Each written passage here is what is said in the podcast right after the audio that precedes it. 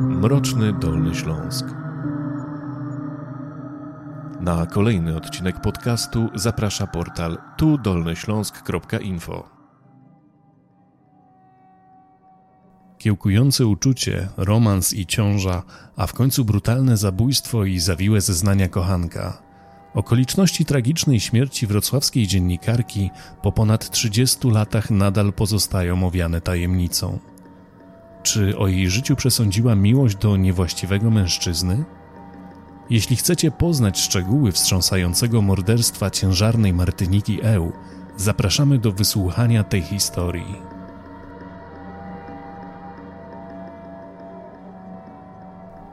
Martynika Eł kochała dzieci i pracę z nimi. Zaraz po studiach pedagogicznych podjęła więc pracę w jednej z wrocławskich placówek. Mimo, że praca jej odpowiadała i wiązała się z jej zainteresowaniami, musiała ją opuścić. Była zadeklarowaną zwolenniczką nowoczesnych metod dydaktycznych, co wyraziła w jednym z napisanych przez siebie artykułów. Publikacja nie spodobała się jej przełożonym o bardziej tradycyjnym spojrzeniu na świat. Po rozstaniu z dotychczasową posadą zaczęła realizować swoją drugą pasję, którą było dziennikarstwo. Początkowo pisała do lokalnych gazet, następnie znalazła zatrudnienie we wrocławskim oddziale telewizji polskiej. Miała wtedy 25 lat i męża Andrzeja, muzyka rockowego. To właśnie w nowej pracy poznała realizatora programów telewizyjnych 38-letniego Jana Esz. Pierwszy raz zetknęli się ze sobą na przełomie 1988 i 1989 roku, gdy współpracowali przy programie dla dzieci Sałata dla Małolata. Mimo różnicy wieku, która wynosiła 13 lat, znaleźli ze sobą wspólny język i nawiązali romans. Podobnie jak ona, on także był w związku małżeńskim, w dodatku z dwudziestoletnim stażem. Wychowywał dwie córki, w wieku 8 i 14 lat. Nie wiedział wtedy jeszcze, że niedługo miał zostać ojcem po raz trzeci. W pracy każdy wiedział o relacji, która łączy kochanków. Wiedzieli o tym także znajomi Martyniki, która w wylewnych listach zapewniała o gorącym uczuciu do mężczyzny. Deklarowała, że ma fioła na jego punkcie i czuje, że on bardzo ją kocha. To brzmi jak z elementarza, czuje się przy nim jak w pierwszej klasie uczuć pisała w jednym z listów do swojej koleżanki ze studiów Wandy. Na przełomie stycznia i lutego 1990 roku Martynika zaszła w ciążę z Janem. Była młoda, piękna i zakochana, z sukcesami zawodowymi na koncie. Przyszła mama nie posiadała się ze szczęścia. Niemal natychmiast podjęła decyzję o rozwodzie, który udało się załatwić bez przeszkód. Jan również deklarował, że rozstanie się z żoną i zamieszka z ukochaną w wynajętym mieszkaniu, w którym wspólnie wychowają swojego potomka. Zaczęli mościć sobie gniazdko przy ulicy Macedońskiej we Wrocławiu. Martynika była w ósmym miesiącu ciąży, gdy w piątek 27 lipca 1990 roku rodzice pomagali jej w malowaniu i tapetowaniu mieszkania tak, aby było gotowe na pojawienie się na świecie najmłodszego członka rodziny. Niestety to właśnie tego dnia rodzice widzieli po raz ostatni swoją ukochaną córkę. Trzy dni później, w poniedziałek 30 lipca, otrzymali telefon od Jana, który zaalarmował ich, że nie może nawiązać kontaktu z kobietą i martwi się o nią.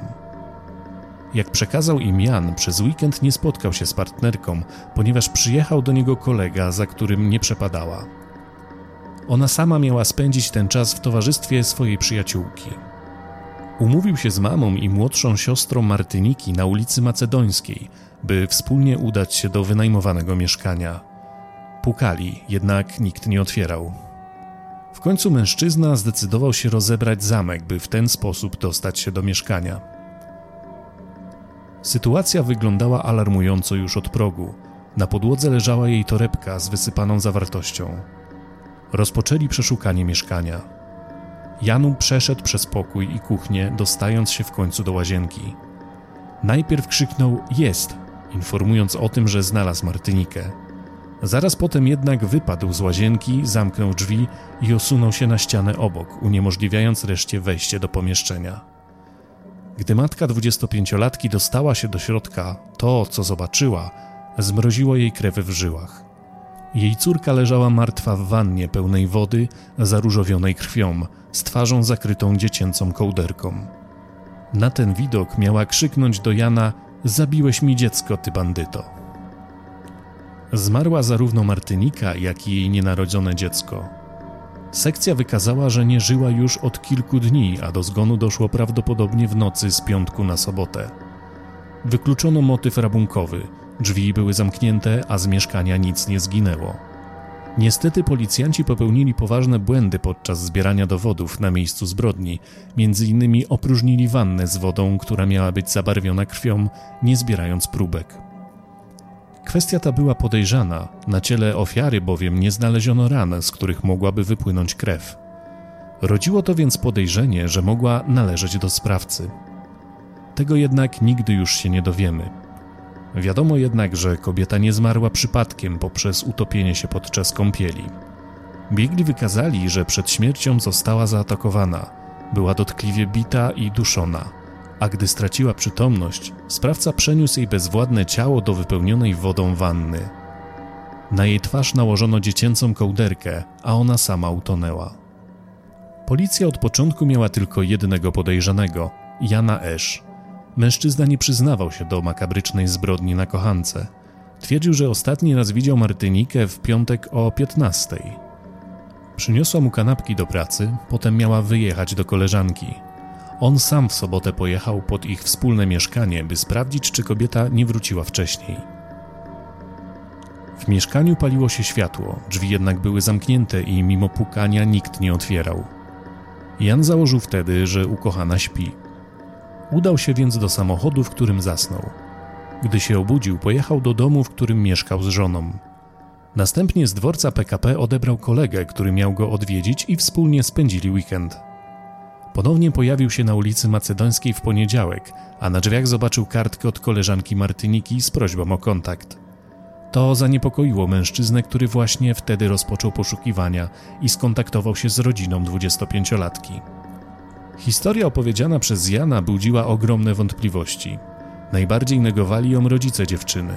Nie wierzyli w jego niewinność, tym bardziej, że o czym dobrze wiedzieli, posiadał on klucz do wspólnego mieszkania pary. Dlaczego więc go nie użył? Zachodzili w głowę targani żalem. Wkrótce na światło dzienne miało wyjść wiele więcej niepokojących okoliczności przemawiających za jego winą. Jan mówił Martynice, że jest w trakcie rozwodu ze swoją żoną, co okazało się nie być prawdą. O romansie, dziecku i planach rozwodowych niczego nieświadoma żona dowiedziała się dopiero w trakcie postępowania. Mężczyzna postanowił całkowicie zmienić swoje zeznania podczas drugiego przesłuchania. Twierdził, że Martynika wcale nie wyjechała do koleżanki, a weekend spędzili razem. W feralny dzień zjedli wspólną kolację, po której kobieta poszła się wykąpać, on z kolei zasnął. Obudził go dopiero głośny huk dobiegający z łazienki. Kobietę znalazł w wannie. Próbował ją wyłowić, łapiąc za szyję, jednak ciało wyślizgiwało mu się z rąk. To tłumaczyć miało ślady duszenia. Dziecięca kołderka natomiast spadła jej na twarz ze sznurka na pranie.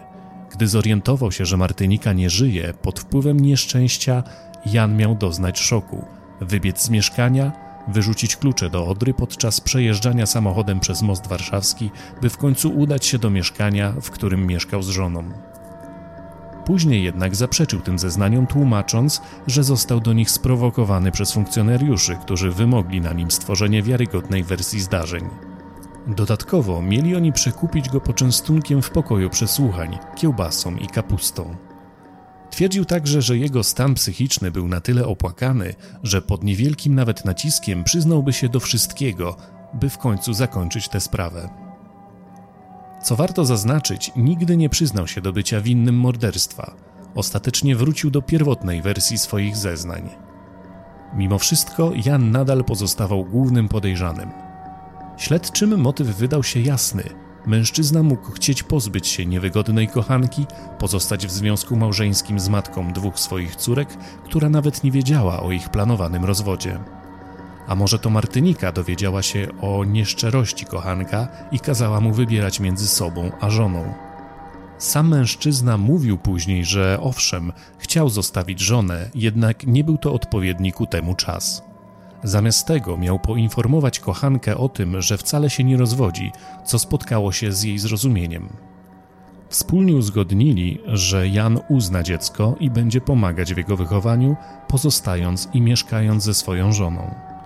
Martynika prosiła go, by utrzymywał pozory wspólnego życia dla jej rodziców, którzy nie pozwoliliby jej samotnie wychowywać dziecka, podczas gdy ona chciała żyć własnym życiem.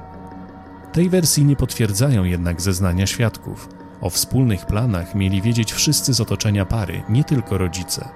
Ponadto listy autorstwa ofiary wykazywały na to, że nie odpuściłaby ona tak łatwo relacji, w którą była zaangażowana.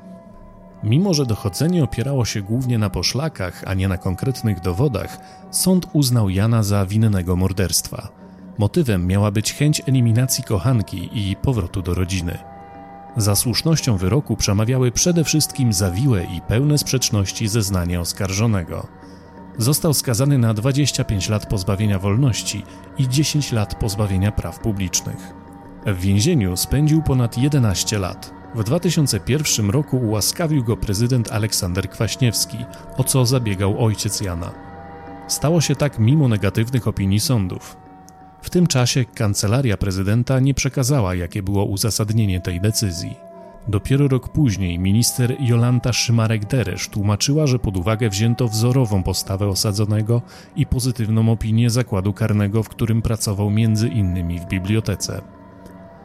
Mężczyzna ponadto uzyskał poparcie wśród osób zaufania społecznego. Pod wnioskiem o jego uniewinnienie podpisał się m.in. Marek Edelman, jeden z przywódców powstania w getcie warszawskim z 1943 roku. Jan Esz po zwolnieniu z więzienia wyjechał z Wrocławia. Zmienił miejsce zamieszkania, a także własne nazwisko i ożenił się ponownie z inną kobietą.